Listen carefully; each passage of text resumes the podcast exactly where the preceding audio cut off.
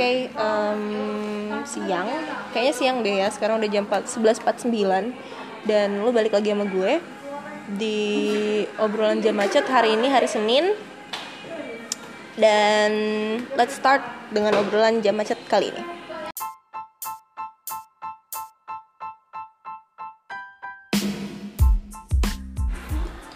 Hmm, Oke, hari ini obrolan jam macet di hari Senin.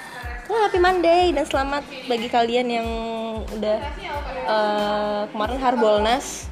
Ayo cepet cari duit lagi untuk Harbolnas tahun depan. Dan hari ini tuh gue nggak sendiri. Eh, hari ini gue bareng temen gue. Dan kita lagi makan siang sih makanya nggak nggak ini ya agak-agak ribut hari ini dan eh perkenalan dulu sih dia eh, temen gue Hai, nama aku Nana. oke dia Nana ya temen gue. Dan hari ini mungkin kayak episode kemarin gue ngobrol soal apa? Bineka.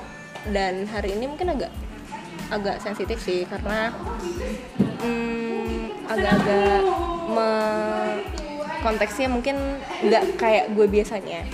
Jadi mungkin gue buka dengan eh, ada nggak sih yang ngebaca soal artikel? Salah satu mahasiswa di universitas ternama kita yang hmm, dilecehkan lah ya istilahnya ini lagi lagi ini banget lagi in banget kemarin gue baca di twitter baca nggak nah kemarin Baca sih, cuma kasusnya berapa tahun yang lalu? Setahun, dua tahun ya? kalau nggak salah waktu itu setahun yang lalu yang setahun Setahun yang lalu lalu dia mulai ini ya, mulai Mm. mulai nuntut-nuntut gitu. mulai nyari perlindungan. ya buat cari perlindungan buat cari justice dan akhirnya baru viralnya ya.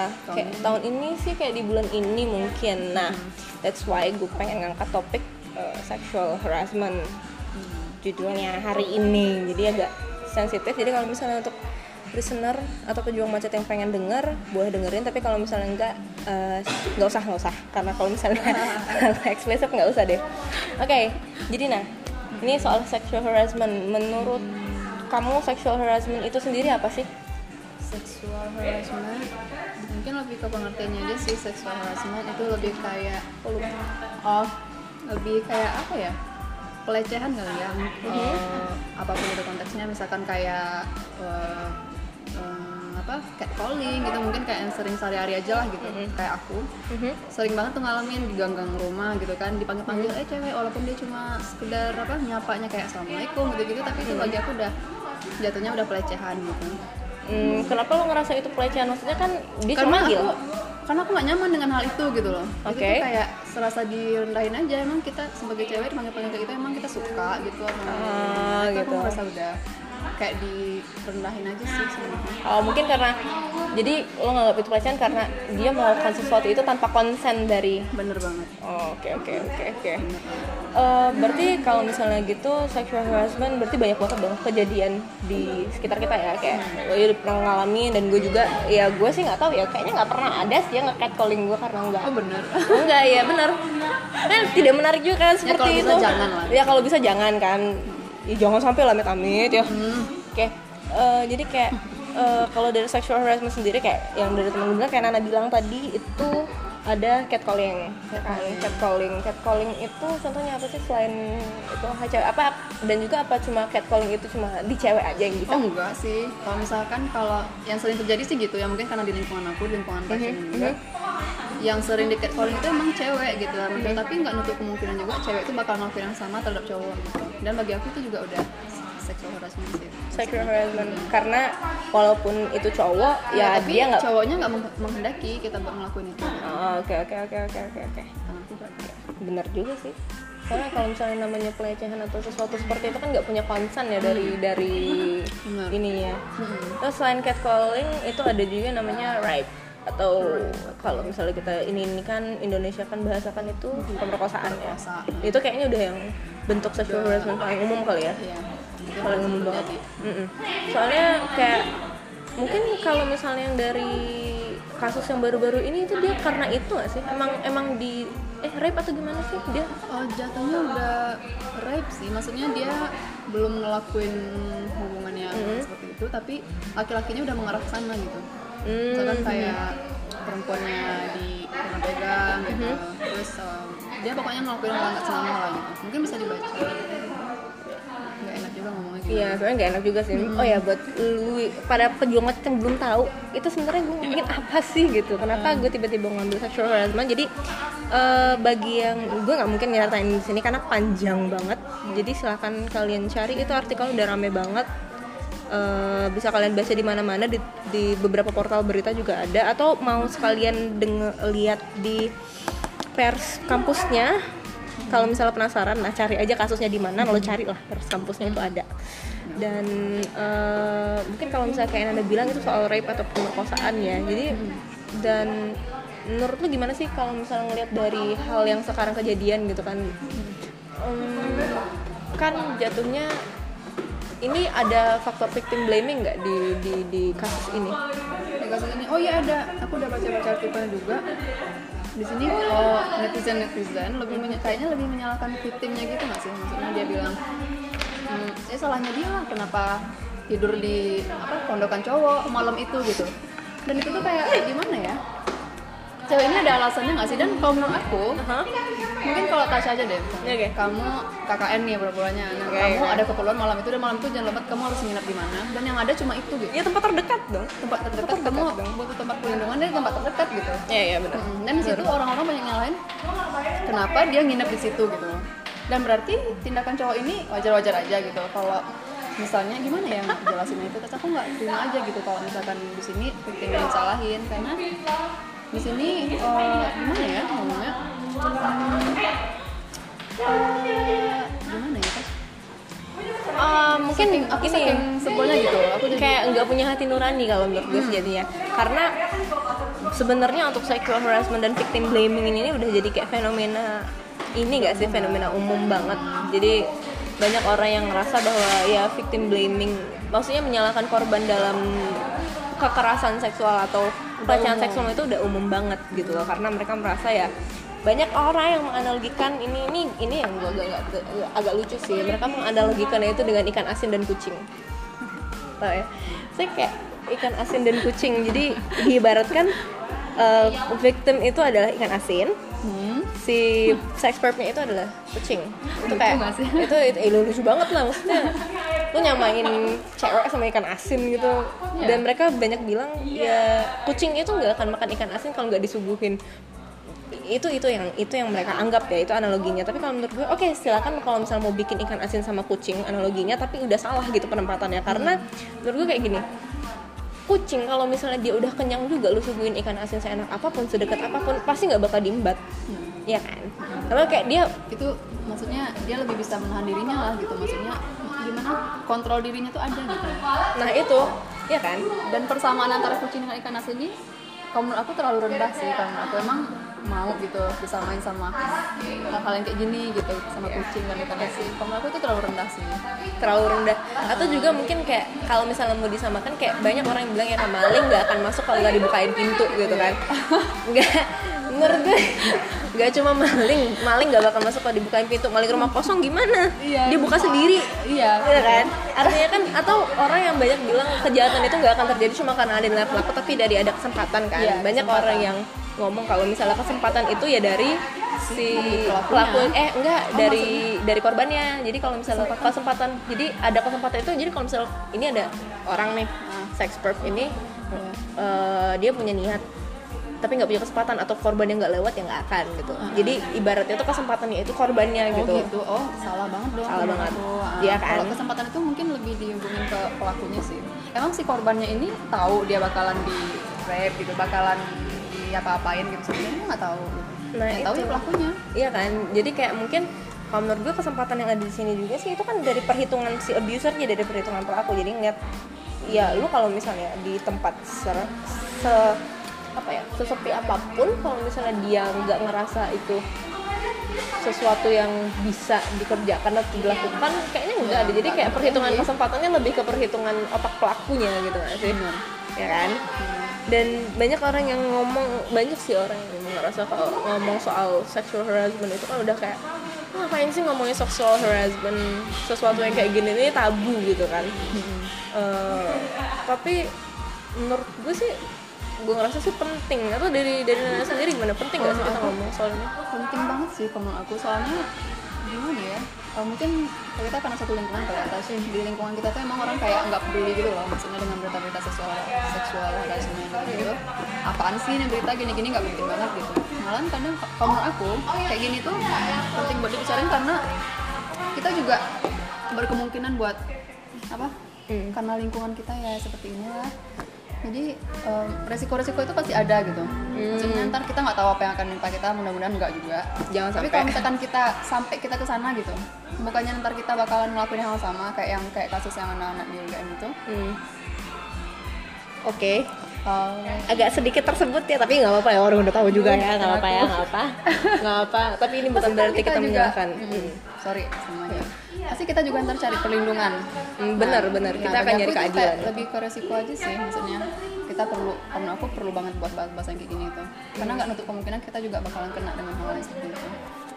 Karena mungkin orang masih ngerasa bahwa itu tabu tuh karena pertama ya victim blaming kedua tuh kayak banyak masih banyak fakta mitos sama yang sama fakta yang kecampur gitu loh kalau misalnya di sexual harassment. Tuh kayak misalnya hmm, sesu- eh, sexual harassment itu hanya dilakukan pada eh, dilakukan oleh orang yang nggak dikenal atau stranger hmm. Nah, kalau menurut gue sih kayak dari apa yang gue baca juga sebenarnya perilaku pelecehan seksual atau uh, sexual assault, assault ini juga malah 80 sampai 90% itu kalau misalnya dibaca di silakan kalau misalnya mau baca lo cari di British Journal of Criminology itu volume ke-57 kalau nggak salah itu 80 sampai 90% itu dilakukan oleh uh, orang yang dikenal. Kayak orang terdekat mungkin mungkin ada keluarga. Kan sering kan kita uh, dengar berita kayak ayah atau abang atau siapa pun keluarga atau teman-teman di dekat gitu. Terus ada juga kayak hmm, apa pelecehan itu biasanya hanya gila di perempuan. Benar.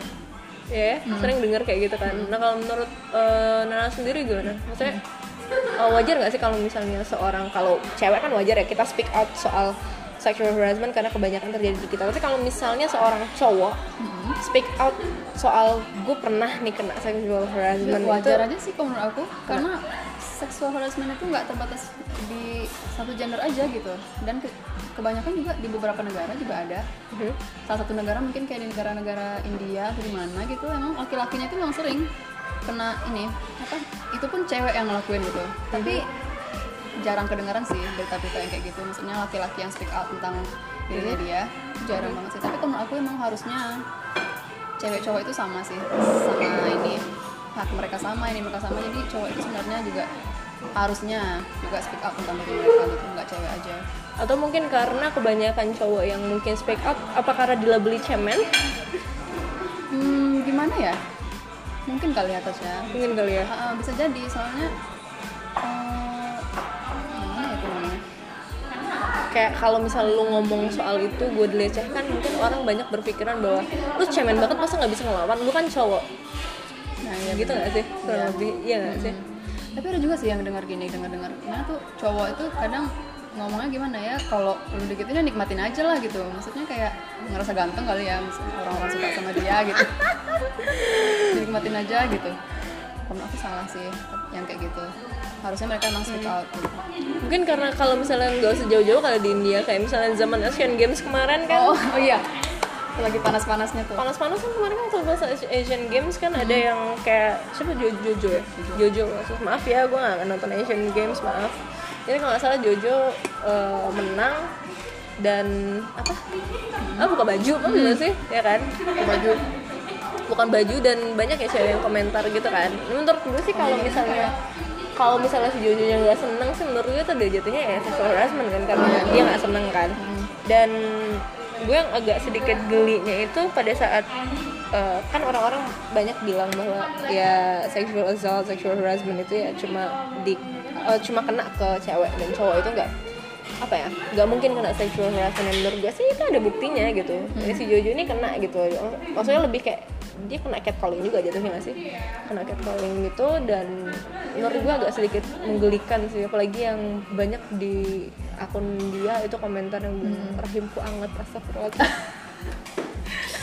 Ada ada ada ada ada Oh, ada ada yang ngomong ada gitu. yang ngomong ada yang ngomong rahim anget. oh. rahim anget itu dalam hati tuh gue kayak berpikir lu rahim rahimmu anget apa ketumpahan kok indomie? Gitu. kayak gila. Please lah gitu Terus ada komentar nggak sih? Aku nggak Nggak. ke sana. kurang tahu sih ya dia dia ikut komentar komentar atau mungkin atau dia matiin kolom komentar nggak tahu juga ya ininya dia kayak apa cuma mungkin ya kalaupun misalnya dia nggak mematikan kolom komentar atau nggak berkomentar kan bukan berarti dia ini kan bukan berarti dia seneng gitu diperlakukan seperti itu gitu terus eh, kayak banyak orang yang juga bilang kalau misalnya victim blaming itu biasanya karena pakaian nggak sih Oh iya, ya kan? Namanya ngomong kayak gitu. ya banyak yang ngomong kayak gitu menurut mana gimana Soal pakaian. Em, kalau menurut aku, kalau menurut aku pakaian tuh mungkin gitu, mungkin terjadi yang namanya apa tuh namanya? Eh, mungkin kita ambil contoh aja kali ya, kayak eh, ada museum gitu nggak sih di mana? Oh. Di University apa? Kansas apa? Kansas kalau nggak salah. eh bukan Kentucky nggak tahu pokoknya itulah Kentucky. nggak tahu pokoknya itulah antara Kansas atau Kentucky gitu Nah iya ada yang memperlihatkan baju-baju dari victim Aha. apa sexual, assault ini. oh iya, iya. Mereka tuh bajunya pada ketutup semua lepas. Maksudnya nggak ada yang kebuka yang vulgar gitu. Dari yang tertutup aja. Ada kayak waktu itu baju-baju kayak security gitu tapi cewek. Bajunya ketutup banget beneran. Lagi bajunya panjang, celananya panjang. Terus anak-anak kecil pun juga ada di situ. Baju-baju anak kecil gitu. Semuanya ketutup tas nggak ada yang kebuka satupun satupun. Nah mungkin kalian bisa lihat sih di mana sih ngeliatnya? Eh, gue lupa sih waktu itu gue ngeliat juga di Twitter. Udah lama sih itu video kayaknya udah lama. Udah udah tahun kemarin udah banyak sih berada tahun apa dua tahun kemarin gitu. Iya. silakan dicari aja. Lupa gitu kan sisa pakai Kentucky silakan dicari itu. Dan perempuan dengan pakaian tertutup kayak gitu aja bisa gitu. Kena pelecehan seksual gitu. apalagi yang kalau yang kebuka nggak tahu sih karena kalau misalnya cuma menyalahkan soal pakaian kebuka ini gimana ya? Gue ngomongnya juga kalau misalnya ini mohon maaf ya gue belum pernah ke luar negeri juga. Jadi setahu gue tuh bukannya ada ya nude beach di mana gitu. Pantai yang emang nude gitu orang-orang di sana. Ya belum pernah juga sih gue kedengaran ada ada pelecehan gitu. Gue lupa di mana nude beach itu. Cuma ada tapi maaf ya kalau misalnya gue salah ya gue belum pernah keluar negeri soalnya ya kayak kalau misalnya hanya karena pakaian menurut gue seseorang sampai nggak bisa mm, apa ya menahan sexual urge-nya itu kayak menurut gue rendah banget gitu men. Karena ini kalau misalnya kita inilah kita analogikan lagi lah. Jangan ikan asin lah gak enak banget Eh, singa deh singa. Kalau misalnya dia udah kenyang ada zebra lewat di depannya gue rasa nggak bakal diterkam juga sama dia. Dia masih ada kayak self controlnya juga nggak sih kalau singa? Tapi kalau misalnya kita yang emang bener-bener punya kemampuan buat ngontrol ya kan? Buat ngontrol uh, sexual urge dari diri kita dan kita nggak bisa ngelakuin itu tuh dalam hati gue kayak ya lu rendah amat sampai nggak bisa lu punya otak lu tuh nggak dulu gunain gitu kan. Iya pasti nggak ada sih orang-orang yang mau jadi lebih rendah gitu jatuh dari binatang sorry. Ya sorry ya.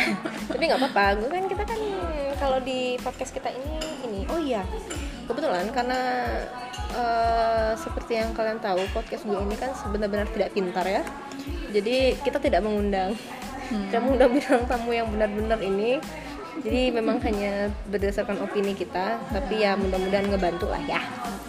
Eh, dan apa ya kalau misalnya buat gue sih pernah dengar gak sih rape culture? Rap culture? Aha. hmm, pernah denger gak? belum belum ya? Oke. Gue pernah dengar. Jadi kayak kita tuh sekarang itu udah ada di masa di mana sexual jokes atau gitu maksudnya, oh iya. Mm, mm, itu tuh udah jadi kayak bagian ke dalam keseharian. Jadi semacam kayak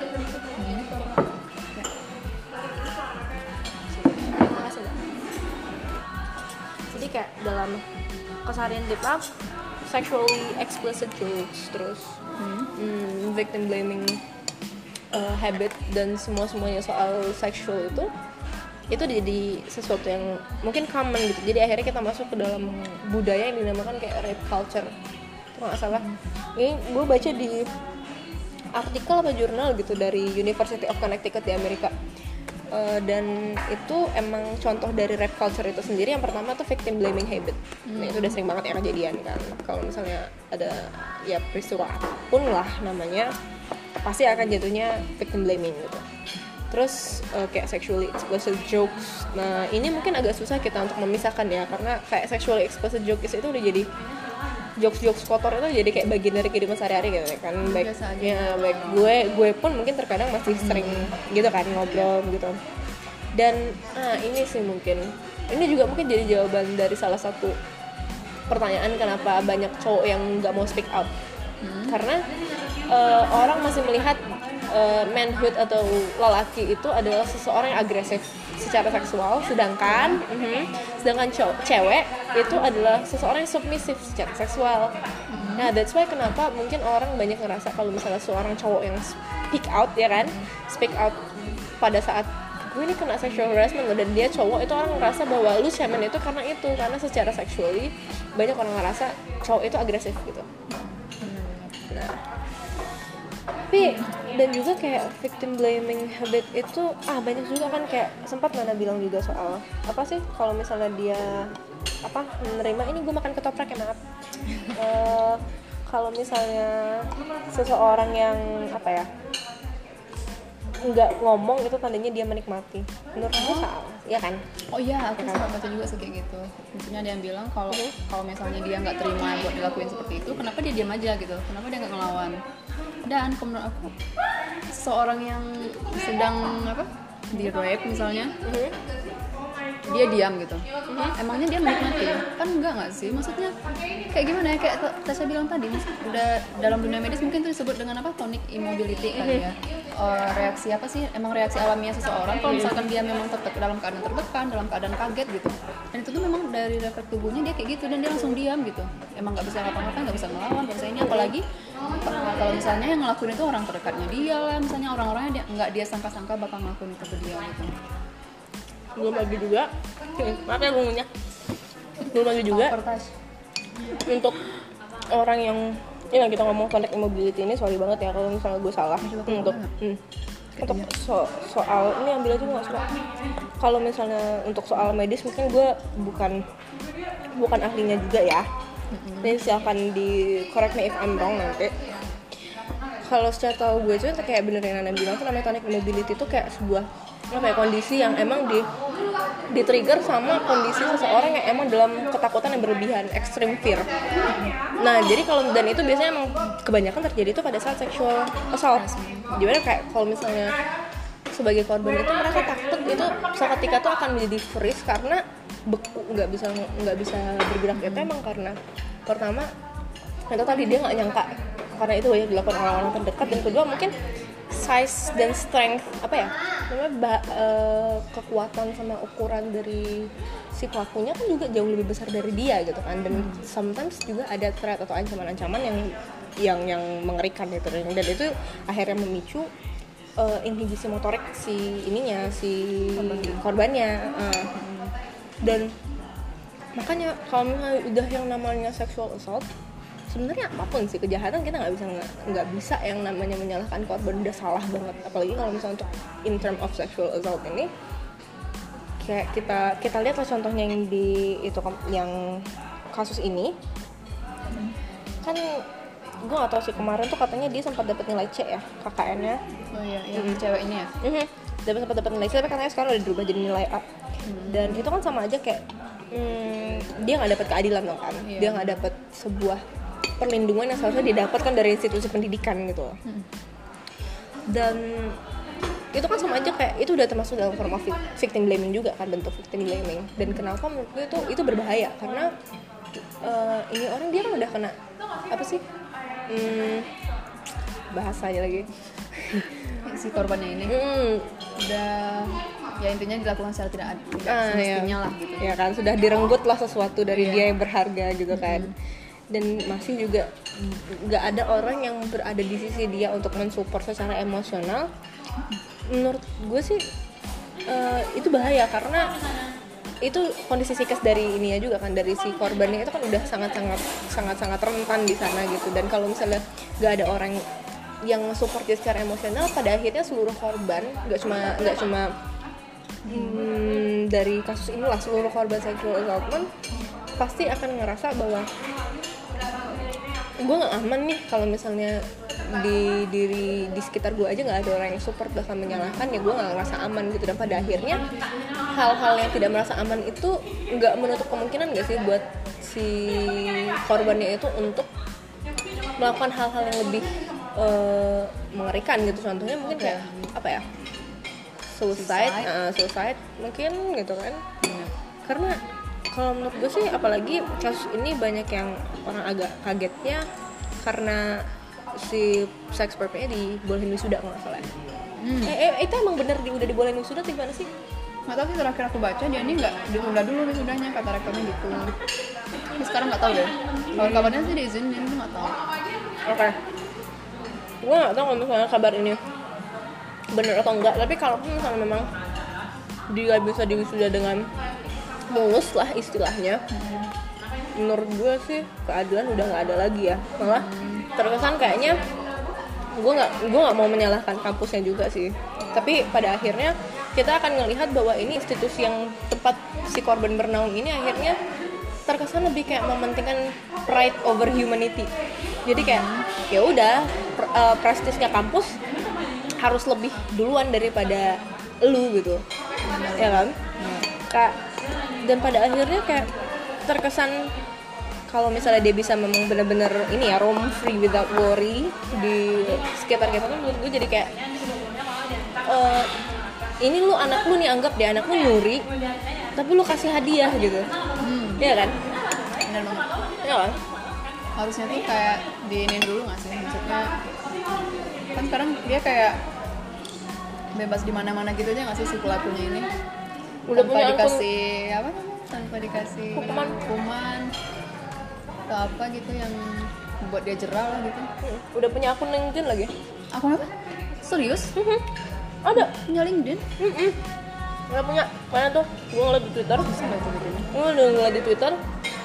Dan nggak itu punya. Oh beneran Iya serius. baru tahu aku Nggak tahu tapi nggak tahu ya itu bener dia atau enggak. Cuma kalau dari inisialnya iya. Dan dia dari teknik juga kan si pelaku katanya dari fakultas teknik kan.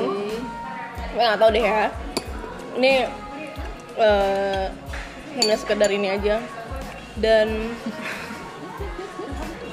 tapi bener deh kalau misalnya bener-bener suatu eh, menurut gue gini kan alasan kenapa dibeli sudah itu kan karena ingin memberikan apa ya kesempatan yang lebih baik biar Oh, dia gitu. menjadi orang yang lebih baik menurut lo gimana? Nah aku Mhm. mungkin kesempatan itu setiap orang berhak lah buat dapat kesempatan untuk menjadi orang yang lebih baik tapi kalau dalam kasus ini menurut aku harusnya diinin dulu nggak sih? Maksudnya kasusnya ini diselesain terus yang si pelakunya ini ya dikasih yang setimpal lah sama perbuatan yang dia lakuin. Maksudnya kayak hukuman gitu. Kalau selesaikan? di mereka mau menyelesaikan secara kekeluargaan tapi oh gitu? Iya. Katanya. Terus yang si korbannya ini emang mau kayak gitu? Setahu nggak deh.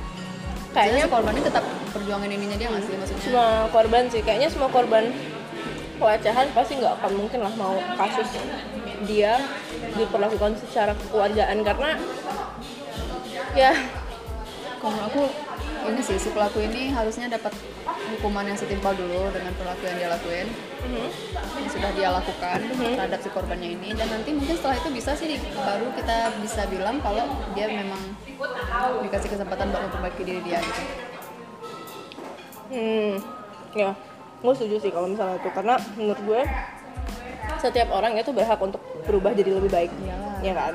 Iya, nggak tergantung lah siapa dia koruptor sekalipun. Kalau misalnya dia Iya. punya niat untuk menjadi seorang yang lebih baik. Tapi koruptor itu pun dihukum dulu nggak sih sebelum dia ini? Ya nah terus bedanya sama mungkin bisa disamain sih sama kasus ini gitu. Mhm. cewek ini dikasih keadilan.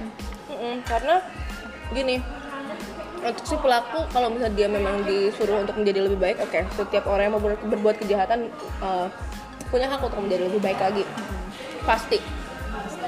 Tapi nggak tapi bukan berarti dia bisa melenggang secara ya itu secara enak aja ke masyarakat gitu kan dengan embel-embel. ada yang terjadi gitu. Hmm, kayak nggak ada yang terjadi dan soal dan setiap orang juga berhak untuk mendapatkan apa ya justice gitu loh.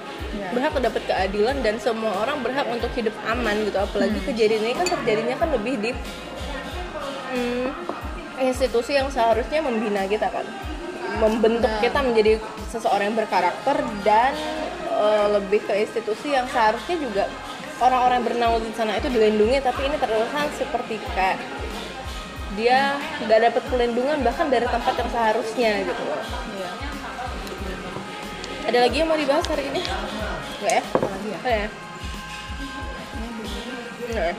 berarti mungkin kalau misalnya konklusi dari bacotan bacotan. bacotan hari ini